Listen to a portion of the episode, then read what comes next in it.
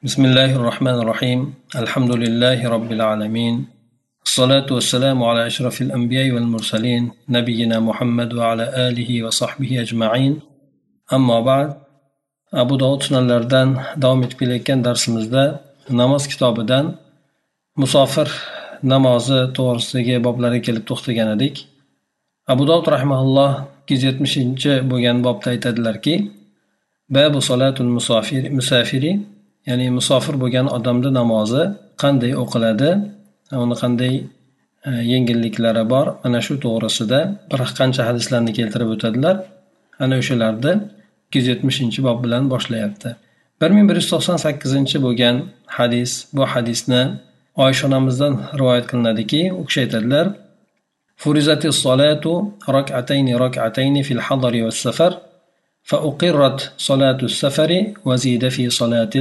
hadoriy bu hadis muttafaqun alayh hadis ekan. Oshonamiz aytadilarki namoz ikki rakat ikki rakat farz bo'lgan edi. Ya'ni namoz birinchi makkada turgan paytlarida payg'ambar sallallohu alayhi vasallamga farz bo'lgan vaqtida ikki rakat ikki rakat bo'lib farz bo'lgandi deydi. Ya'ni bomdod namozi ham peshin asr shom xufton namozlari hammasi ikki rakatdan bo'lib farz bo'lgan edi.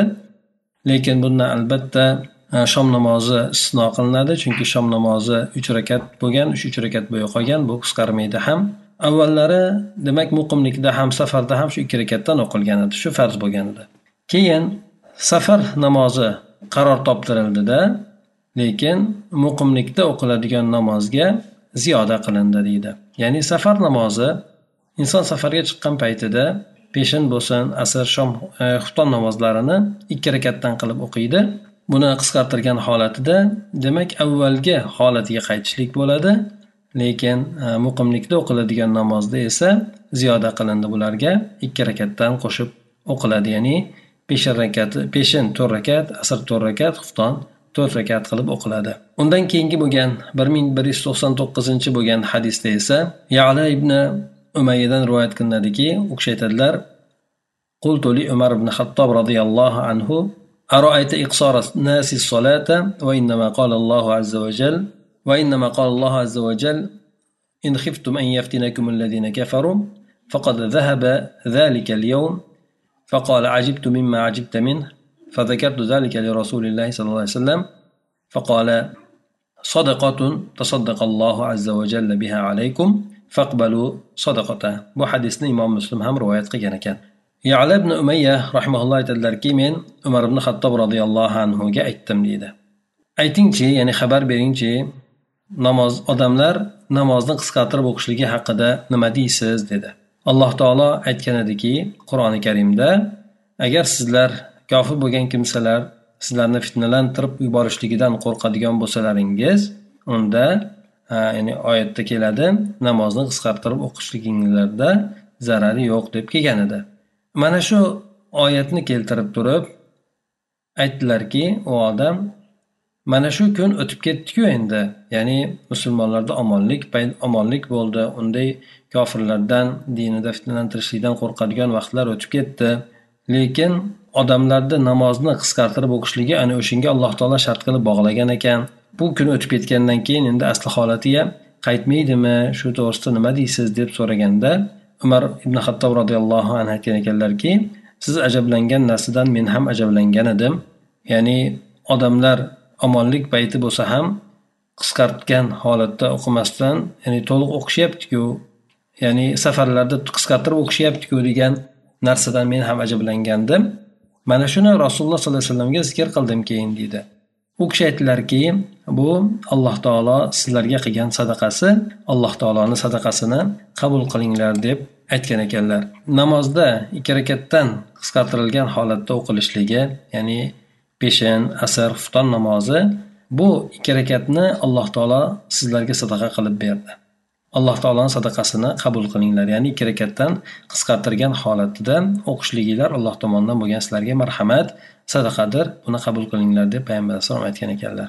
Demak mana bu oyat karimada alloh taolo namozni qisqa o'qishlikni kofir bo'lgan kimsalar agar ular musulmonlarni dinda fitnalab qo'yadigan bo'lsa ya'ni solatul xavf deyiladi xosatan urush paytlarida qo'rquv bo'lgan paytlarda o'qiladi. Bunda namoz qisqartirilgan holatda o'qiladi.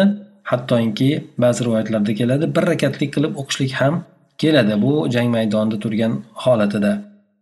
Ana o'shandek paytda qisqartirib o'qishlikni zarari yo'q deganku nimaga endi shu omonlik bo'lgan paytida ham namozda qisqartirib o'qishlik bor. Masalan peshinni to'rt rakat ikki rakat o'qishlik yoki asrni to'rt rakatni ikki rakat qilib xuftonni to'rt rakatni ikki rakat qilib o'qishlik bor. Shunday deb e, savol bergan paytda umar ibn hattob roziyallohu anhu payg'ambar sallallohu alayhi vasallamni ushbu aytgan gaplarini keltirib u kishidan rivoyat qilgan ekan. Mana bu oyat karima demak alloh taoloni bergan bu ummatga bergan sadaqasi ruxsati ekan. E, ya'ni inson safarga chiqadigan bo'lsa safar bo'lgan paytida namozni qisqartirib o'qishligi bu alloh tomonidan berilgan ruxsat ekan.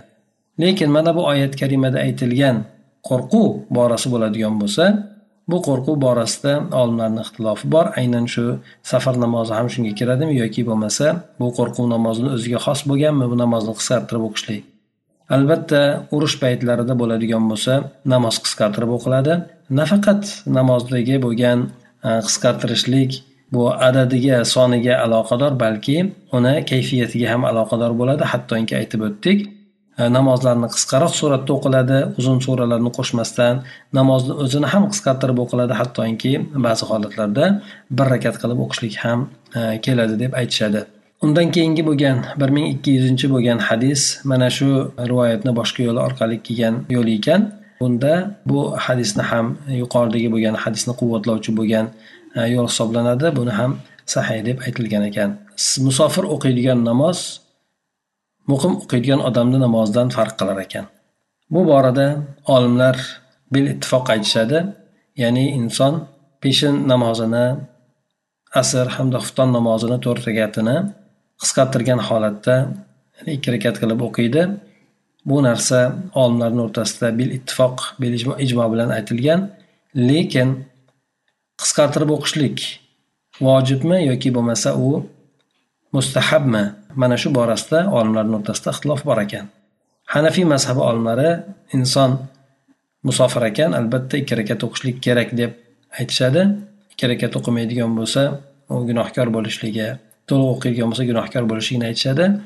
Qolgan jumhur olimlar esa bu narsa ruxsat inson to'liq o'qishligi ham mumkin lekin qisqartirib ikki rakat qilib o'qishligi afzalroq bo'ladi deb aytishadi.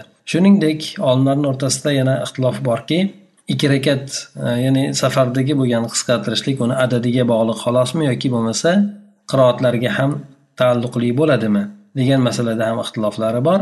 Bir toifa olimlar aytishadiki bu safarda e, qisqartirishlik ya'ni namozni adadiga ham uni kayfiyatiga ham ta'sir qiladi. Shundan e, mana ba'zi rivoyatlarda keladi. Payg'ambar sallallohu alayhi vasallam namozlarni o'q namozlarda o'qiladigan suralarni ham qisqartirgan holatda o'qiganligi ya'ni qisqa suralarni o'qiganligi. Bomdod namozini mana xosatan muqimlikda o'qilishligi uzoqroq sura o'qiladi lekin safarda bo'ladigan bo'lsa namozda bomdod namozini adadi emas balki undagi kayfiyat qisqartiriladi. Ya'ni o'qiladigan sura qisqaroq sura o'qiladi. Ba'zi o'rinlarda payg'ambar sallallohu alayhi vasallam muavvazatayn o'qishlik bilan ham kifoyalanganlar. Yana undan tashqari boshqa qisqaroq bo'lgan suralarni ham o'qiganligi rivoyat qilinadi.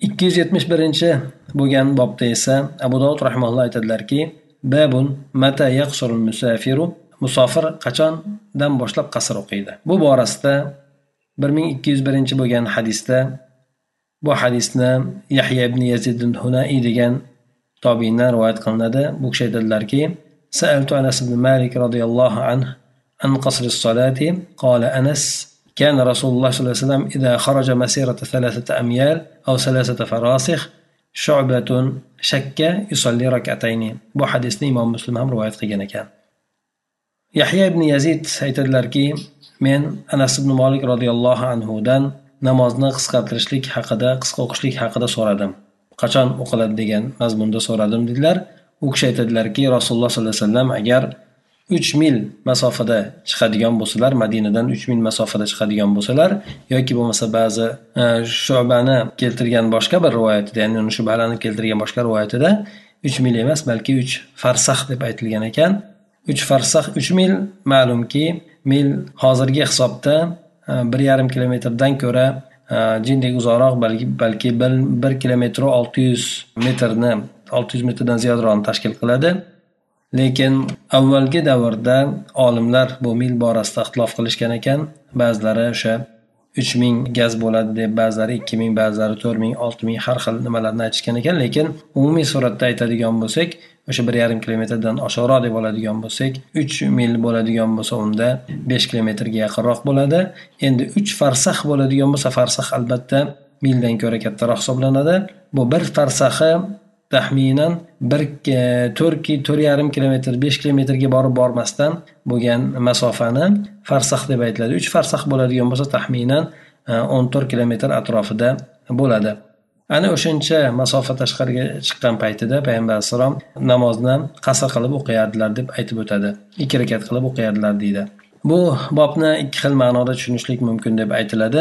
Birinchisi qancha safar qilgan paytida musofir odam qasr o'qiydi degan mazmunni ham tushunishlik mumkin yoki qachondan boshlab e, qasr qilib o'qiydi degan mazmunni ham tushunishlik mumkin. Agar birinchi mazmunga qaraydigan bo'lsak qanchadan e, qanchaga borganda yoki bo'lmasa qancha safarni niyat qilgan paytida musofir odam qasr qilib o'qiydi degan mazmunda olimlarni mazhab butun mazhab olimlarini ixtiloflari bor ekan. Shundan ba'zilari uch kunlik masofa bo'lganda deb aytishadi. Buni dalili sifatida massiga mas tortishlik borasida muqim bo'lgan odam bir kun e, bir kecha kunduz bo'ladigan bo'lsa musofir bo'lgan odam uch kecha kunduz unga mas tortishligi mumkin bo'ladi deb aytilgan. Shundan uch safarni uch kunlik bilan belgilashgan ekan. Yana ba'zilari esa e, undan ko'ra ozroq undan ko'ra ko'proq o'shanday qilib e, belgilashgan. Umumiy suratda olimlar aytadiki payg'ambar sallallohu alayhi vasallamdan bu borada aniq bir hujjat dalil kelmaganki albatta mana shuncha masofa yurgan paytida bu inson qasr qilib o'qishi kerak bo'ladi degan e, mazmundagi bo'lgan rivoyat kelmagan deydi. Balki olimlarni aytgan gaplari ya'ni ko'proq kuchliroq bo'lgan holatda aytgan gaplari safar deb aytiladigan safar deb itloq qilinadigan shunga aytiladigan bir masofa bo'ladigan bo'lsa ya'ni inson unga avvalgi davrda safar qilib chiqadigan bo'lsa o'ziga yarasha unga tayyorgarligini ko'rib chiqadigan bo'lsa avvalgi o'sha payg'ambar alayhisalom davrlarida ana o'sha narsani safar deb aytilgan undan ozroq bo'lgan joylarni esa safar deb aytilmagan. Shuning uchun payg'ambar sallallohu alayhi vasallamdan har xil rivoyatlar kelgan. Ba'zida qisqaroq bo'lgan joylarga ham ba'zi uzunroq bo'lgan joylarga ham safar ya'ni qasr o'qiganligi rivoyat keladi. Shundan aytishadiki olimlar urfda qaysi narsaga safar deb aytiladigan bo'lsa qancha inson masofada yurishligiga safar deb aytilgan bo'lsa ana o'sha narsaga inson boradigan bo'lsa uni safar deb e'tibor qilinadi. Agar undan oz bo'ladigan bo'lsa uni safar deb aytilmaydi deydi. Kilometrga olib ko'rganda olimlarni turlik mana shu masalaga ko'ra ixtilofi bor. Ba'zi olimlar yuz yigirma kilometrni aytishadi ba'zilar to'qson kilometr ba'zilar sakson kilometrdan yuqoriroq ba'zilar esa yetmish kilometr atrofidagi. Xullas kalom olimlarni bu borada ham e, belgilagan o'lchamlari har xilni tashkil qiladi. Ana o'shandan aytishadiki lekin inson albatta qisqaroq bo'ladigan masofalar ellik kilometrgacha bo'ladigan masofalar u yerga safar qilinmaydi. Insonga avvallari safar qilmagan yoki safar tayyorgarligini ko'rmasdan shunday borib kelingan undan ko'ra yetmish kilometrdan yuqorisi bo'ladigan bo'lsa allohu alam safarga deb e'tibor qilishgan. Mana bu yerda mana bu hadisda payg'ambar sallallohu alayhi vasallam uch mil yoki uch farsax tashqariga chiqqandan keyin qasr o'qiganligi to'g'risida mana undan keyingi rivoyatda ham keladi anas ibn molik roziyallohu anhudan bir ming ikki yuz ikkinchi bo'lgan hadisda ibrohim ibn maysar aytadiki sami'ana anas ibn malik yaqul sallaytu ma'a rasulilloh sallallohu alayhi vasallam الظهر بالمدينة أربعا والأسر في بذي الخليفة ركعتين buni imom muslim va imom buxoriy rivoyat qilgan ekan muhammad ibn munkadir va ibrohimni maysar ekanlar aytadilarki biz anas ibn molik roziyallohu anhuni shunday deyayotganligini eshitdiki u kishi aytadilar men rasululloh sollallohu alayhi vasallam bilan birgalikda madinada peshin namozini to'rt rakat o'qidik o'qidim. Asr namozini esa zul hulayfa degan madinani tashqarisidagi taxminan sakkiz kilometrcha bo'lgan joydagi tashqarisidagi joy mana shu yerdan hajga ehrom bog'lanadi. Ana o'sha joyda asr namozini ikki rakat qilib o'qidim deb aytadi. Yuqoridagi hadisda ham mana bu hadisda ham payg'ambar sallallohu alayhi vasallamni safari hajga bo'lgan ya'ni uzoq makkani qasd qilgan holatda chiqqan. Shuning uchun bu yerda inson shaharini o'zidan chiqib ko'chalardan chiqib bo'lgandan keyin shahardan uzoqlashishligi bilan chiqib shahardan tashqariga chiqib ketishligi bilan namozni qasr qilishligi ham agar ro'zasini ochish kerak bo'ladigan bo'lsa ochishligi ham joiz bo'laveradi. Lekin shaharni ichida turar ekan u qasr o'qishligi ham ro'zasini ochishligi ham allohu alam durust bo'lmaydi ikki yuz yetmish ikkinchi bo'lgan bobda abu dovud rahmaulloh aytadilarki babul adan fi safari safarda ozon aytishlik to'g'risida bir ming ikki yuz uchinchi bo'lgan hadis bu hadisni uqbat ibn omir roziyallohu anhudan rivoyat qilinadi u kishi aytadilarki سمعت رسول الله صلى الله عليه وسلم يقول يعجب ربك عز وجل من راعي غنم في رأس شظية بجبل. يؤذن للصلاة ويصلي. فيقول الله عز وجل انظروا إلى عبدي هذا. يؤذن ويقيم للصلاة يخاف مني. قد غفرت لعبدي وأدخلته الجنة. أقبة بن عمر رضي الله عنه أيدلر من رسول الله صلى الله عليه وسلم نشن دي اتكن لغن اشتم ربنجس تغنى تبا qo'y boqib yurgan cho'pondan ajablanadi. Ajablanishligini sababini aytadiki o'sha yerda turgan holatda hech kim ko'rmaydigan tog'larni ichida o'sha qo'ylarni boqib yurgan paytida bu odam namoz uchun ozon aytadi hamda namozini o'qiydi. Alloh azza va jalla shunda aytadiki ajablangan holatida mana bu meni bandamga qaranglar bu namoz uchun ozon ham aytyapti takbir aytib namozni barib ado etyapti. Mendan qo'rqqanligidan shunday qilyapti mendan qo'rqyapti. Men bu bandamni gunohlarini mag'firat qildim va uni jannatga kirgizdim deb aytadi deydi. Mana bu hadis alloh taolo tomonidan bandaga bo'ladigan katta marhamat. Avvalo bu hadisda bir necha masalalar bor. Birinchisi alloh azza va jallani ajablanishligi. Bu ajablanishlik odatda odatdan tashqari bo'lgan narsa sodir bo'ladigan bo'lsa insonni ajabini o'ziga tortadi. Inson bu narsadan taajjubga tushadi. Ya'ni odatdan tashqari narsani bo'lishligi. Lekin alloh azza va jallaga nisbatan hech qanday bir odatdan tashqari narsa bo'lmaydi. Balki alloh taolo bu narsani sodir bo'lishligini avvaldan biladi. Lekin bu yerda payg'ambar sallallohu alayhi vasallam alloh taoloni ajablanishligi to'g'risida bizga xabar beryapti. Biz bu kelgan rivoyatni ana o'shandek suratida qabul qilamiz hamda biz e'tiqod qilamizki alloh taoloni mana shunday bo'lgan ya'ni ajablanishlik bo'lgan sifati bor. Alloh taolo bu bilan sifatlanadi deb e'tiqod qilamiz. Lekin alloh taoloni ajablanishligi o'ziga loyiq bo'lgan holatda bo'ladi. Ikkinchi masala esa namoz uchun yolg'iz bo'lgan o'qiladigan holatida ham ozon aytilishligi hamda takbir aytib inson o'qishligi. Yolg'iz bir o'zi bo'ladigan bo'lsa ham. Albatta namozga ozon aytishlik masalasi agar muqimlikda bo'ladigan bo'lsa farzi kifoya hisoblanadi. Agar shahar ahli bu narsani tark etadigan bo'lsa imom tomonidan o'sha narsani ado etgunigacha jang qilinadi o'shanga majburlanadi. Lekin mana bunga payg'ambar sallallohu alayhi vasallam ba'zi sahobalarni bir qabilalarga jo'natgan paytida ularga borib quloq solinglar ertalabda agar ozon aytadigan bo'lsa to'g'ri qaytinglar. Ichiga kirib xabarni bilib qaytinglar. Agar ozon aytmaydigan bo'lsa ularga hujum qilinglar deb ba'zi qabilalarga payg'ambar alayhissalom sahobalarni yuborgan paytida buyurib aytganligi ham bor. Lekin musofirlikda esa musofirlikda bu narsa sunnat sanalar ekan. Inson aytib o'qiydigan bo'lsa yaxshi bo'ladi lekin aytmaydigan bo'lsa gunohkor sanalmaydi. Mana bu hadisda payg'ambar alayhisalom iqror bo'lib aytyaptilar. Inson hattoki yolg'iz o'zi bo'ladigan bo'lsa ham namozga ozon aytadi va namozga namozni o'qiydi barpo qiladi. Ikki yuz yetmish uchinchi bo'lgan bobda esa abu dovud rahmonalloh aytadilarki bab al musafiru yusolli va huwa yashukku fil vaqti. Musofir bo'lgan odam namozni vaqti to'g'risida shubhaga qilgan holatida qanday namoz o'qiydi?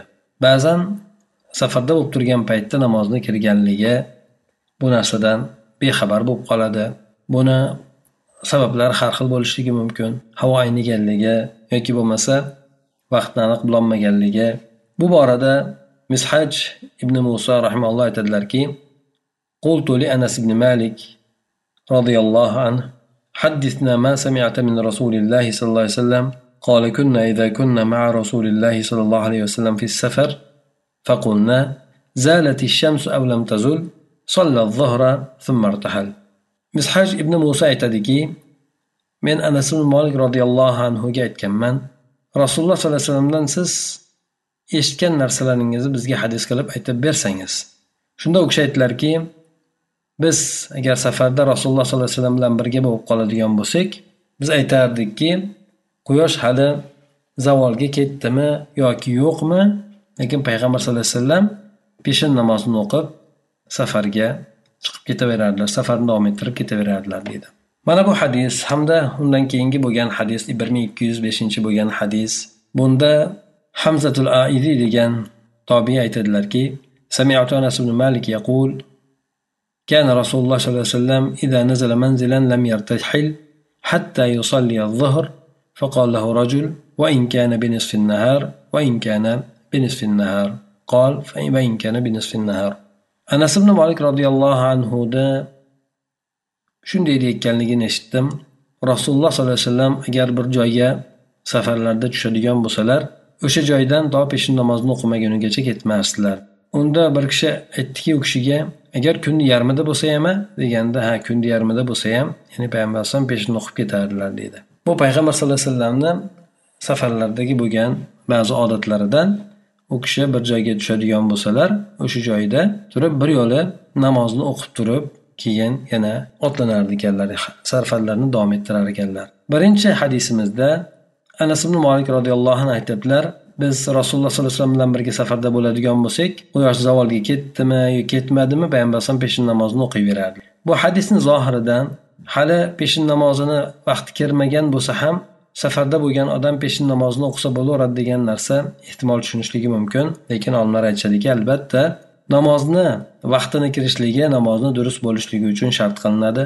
Albatta namozni o'zini vaqtdan avval o'qishlik agar u jamlanmaydigan namoz bo'lsa o'zini kirish vaqtdan oldin o'qishlik u namozni botil bo'lishligiga sabab bo'ladi. Chunki shart ado etilmaydigan bo'lsa unda amal durust bo'lmaydi. Bu yerda bu sahobiy aytyaptiki quyosh zavolga botdimi yoki zavolga ketdimi ketmadimi payg'ambar alayhisalom peshin namozini o'qiyverardilar dedi. Payg'ambar sallallohu alayhi vasallamni o'qishliklari albatta u kishiga vahiy nozil bo'lib turar edi mabodo bironta noto'g'ri ish bo'ladigan bo'lsa vaqtimi holatimi albatta bu narsaga alloh taolo tomonidan e'tibor qilinar edi ya'ni u kishiga ogohlantirilar edi buni misollaridan mana payg'ambar sallallohu alayhi vasallam bir kuni namozda turgan paytlarida oyoq kiyimlarini olib surib qo'ydilar yechib qo'ydilar.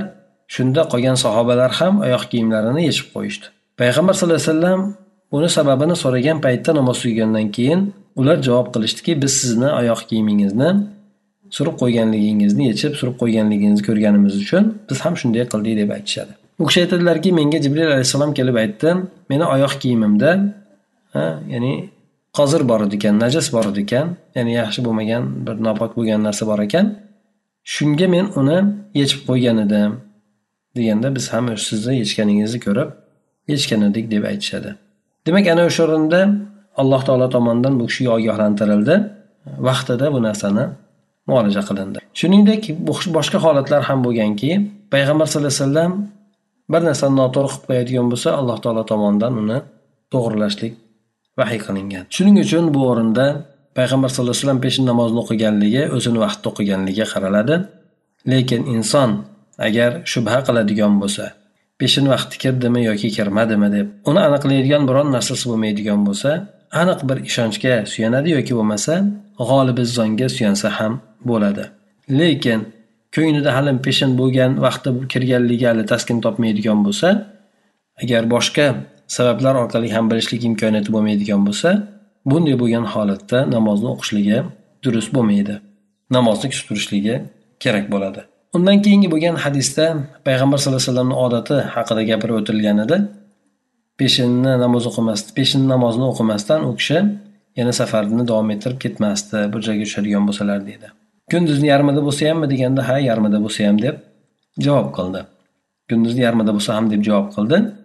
Demak bu degani peshin vaqti kirib kirmasdan degan mazmun bo'ladi. Lekin aytib o'tganimizdek namozni vaqtini kirishligi albatta namozni durust bo'lishligi uchun shart qilinadi.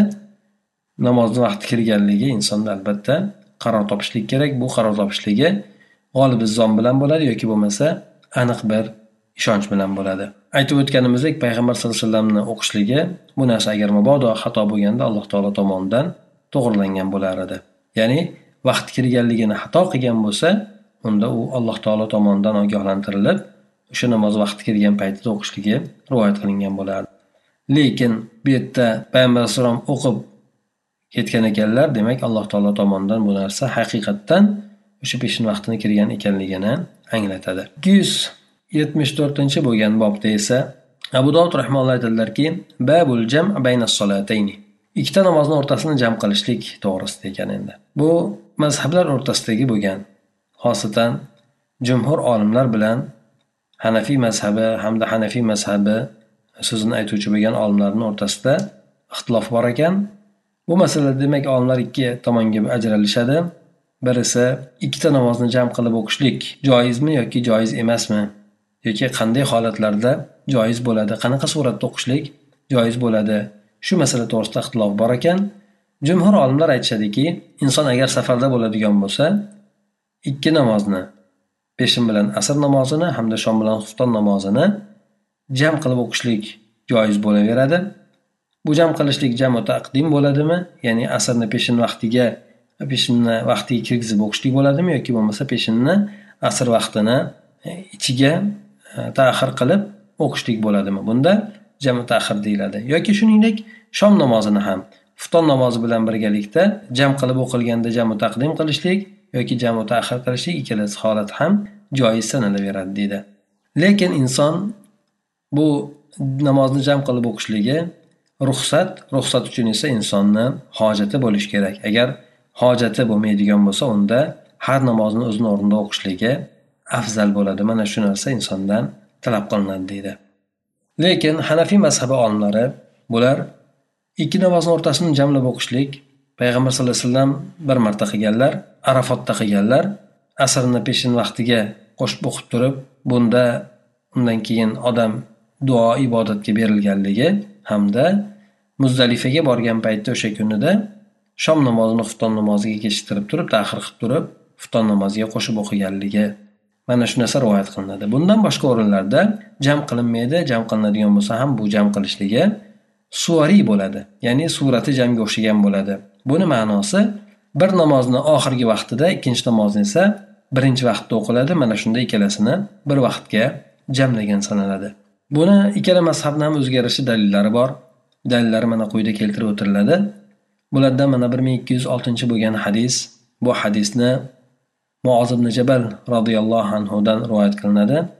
U kishi o'zidan so'ragan tobiinlarga xabar berib aytgan ekanki أنهم خرجوا مع رسول الله صلى الله عليه وسلم في غزوة تبوك فكان رسول الله صلى الله عليه وسلم يجمع بين الظهر والعصر والمغرب والعشاء فأخر الصلاة يوما ثم خرج فصلى الظهر والعصر جميعا ثم دخل ثم خرج فصلى المغرب والعشاء جميعا buni imom muslim ham rivoyat qilgan ekan muoz ibn jabal roziyallohu anhu xabar berib aytadiki bular rasululloh sollallohu alayhi vasallam bilan birgalikda tabuk g'azotiga chiqqan ekanlar tabuk g'azoti payg'ambar sallallohu alayhi vasallamni davrlarida u zot o'zlari ishtirok etgan eng oxirgi jang hisoblanadi. Tabuk g'azoti issiqni juda ham issiq bo'lgan paytda chiqilgan boshqa yana bir nomi usra jangi deb ham ataladi.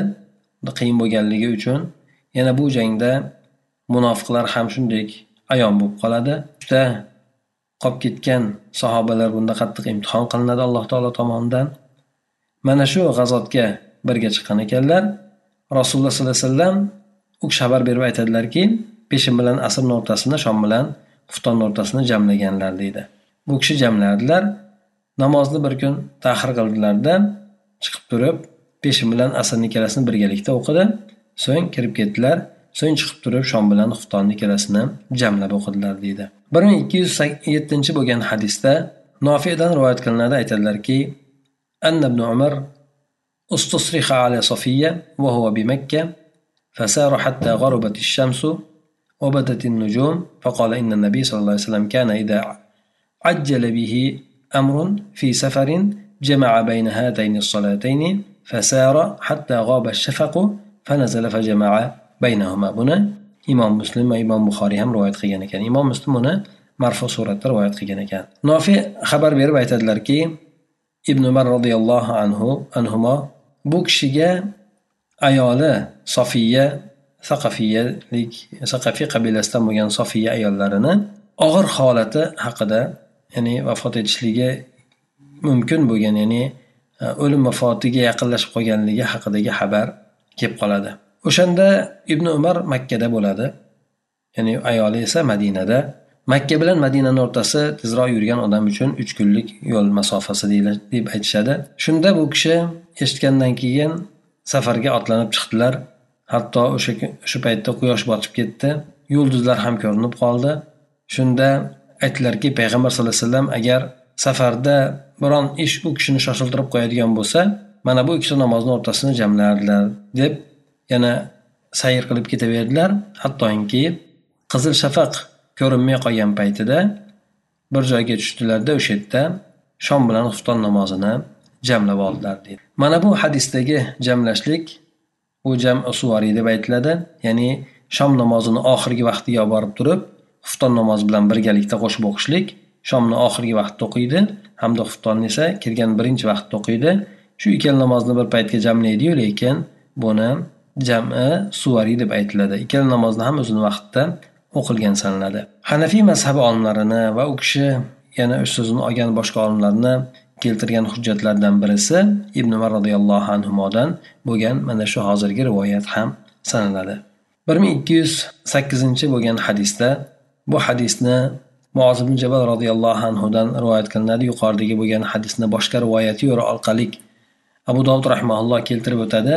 Keltirib o'tayotganligini sababi bu quyidagi bo'lgan muoz ibn jabal roziyallohu anhudan kelgan rivoyatda oshkora suratda aniq oshkor suratda payg'ambar sallallohu alayhi vasallam ikkala namozni o'rtasini birinchi vaqtida ikkinchi vaqtida jamlaganligi to'g'risida rivoyat qilinadi yuqoridagi bo'lgan ibn umarni rivoyatiga unga muqobil suratda bu rivoyatni qaytadan boshqa yo'l orqali keltirib o'tyapti muoz ibn jabal roziyallohu anhu aytadilar أن رسول الله صلى الله عليه وسلم كان في غزوة تبوك إذا زاغت الشمس قبل أن يرتحل جمع بين الظهر والعصر وإن يرتحل قبل أن تزيغ الشمس أخر الظهر حتى ينزل العصر وفي المغرب مثل ذلك إن غابت الشمس قبل أن يرتحل جمع بين المغرب والعشاء وإن يرتحل قبل أن تغيب الشمس أخر المغرب حتى ينزل للعشاء ثم جمع بينهما معاذ بن جبل رضي الله عنه aytadilar rasululloh sollallohu alayhi vasallam tabuk g'azotida agar quyosh u kishi safarga chiqishligidan oldin zavolga ketadigan bo'lsa ya'ni kindigidan og'adigan bo'lsa bunda u kishi ya'ni peshin vaqti kirgan bo'lsa peshin bilan asr namozini birga jam qilardilarda safarga ketaverardilar.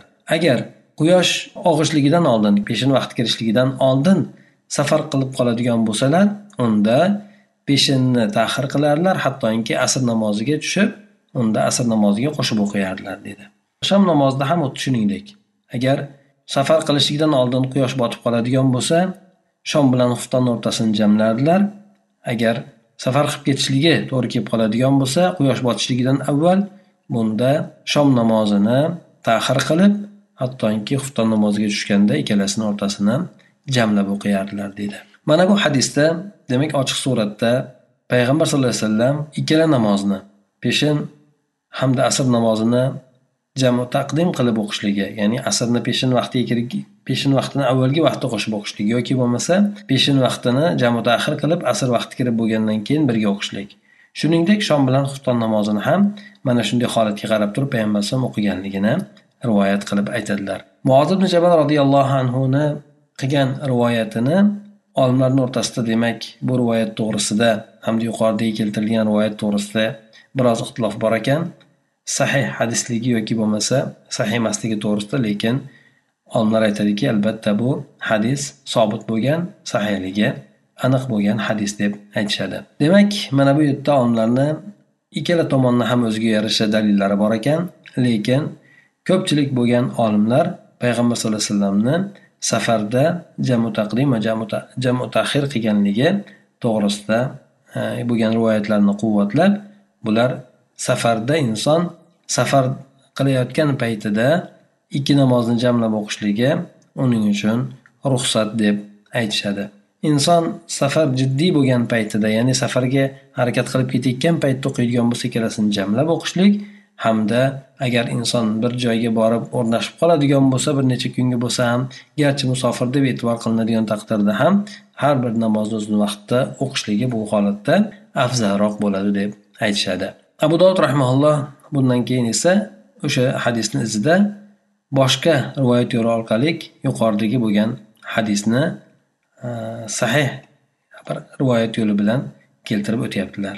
Kelgusi darsimizda yana o'sha namozni jamlashlik to'g'risidagi bo'lgan hadislarni o'qib davom ettiramiz.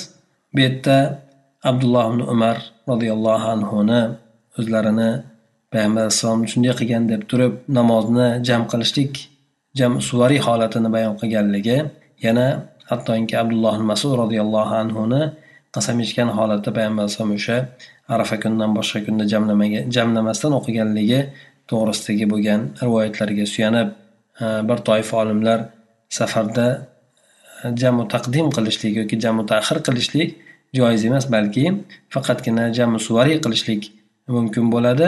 Agar inson shunga ehtiyoj qattiq sezadigan bo'lsa bir namozni oxirgi vaqtiga keltirib ikkinchi namozni avvalgi vaqtda o'qiladi. Bunda har bir namozni o'zini ikkala namozni ham o'zini vaqtida o'qilgandek e'tibor qilinadi. Boshqa jumhur olimlar esa aytib o'tganimizdek inson safarda jam qilib o'qishligi ikki namozni jamu taqdim bo'lsin jamu tahir bo'lsin ikkalasi ham joiz. Bu narsa alloh taolo tomonidan berilgan ruxsat. Inson bunga ehtiyoji tug'ilgan paytda qilishligi durust yaxshiroq bo'ladi. Agar unga ehtiyoji bo'lmaydigan bo'lsa unda namozni har birini o'zini vaqtida o'qiganligi afzal bo'ladi deb aytishadi. Xosatan inson safarda ketayotgan paytida namozni bir namozni peshin namozini asrga kiritib o'qishligi yoki peshin asr namozini peshinga taqdim qilib o'qishligi yoki xuddi shuningdek shom bilan xufton namozini ham o'qishligi joiz bo'ladi. Bu narsa lozim emas balki buni joiz deb aytishadi agar inson shunga ehtiyoj topadigan bo'lsa shunday o'qishligi uning uchun mumkin bo'ladi deb aytishadi xuddi shuningdek namozni ichida yuqorida aytib o'tganimizdek namozni o'zini kayfiyatini ham biroz qisqartirgan holatda xosatan tilovatlarni uzun qilmasdan safarda bo'lganligi uchun qisqaroq suratda o'qilishligi mana bu o'sha safardagi bo'lgan qiyinchilikni oldini olishlik hikmatiga hamohang bo'ladi سبحانك اللهم وبحمدك نشهد أن لا إله إلا أنت نستغفرك ونتوب إليك اللهم انفعنا بما علمتنا وعلمنا ما ينفعنا وزدنا علما.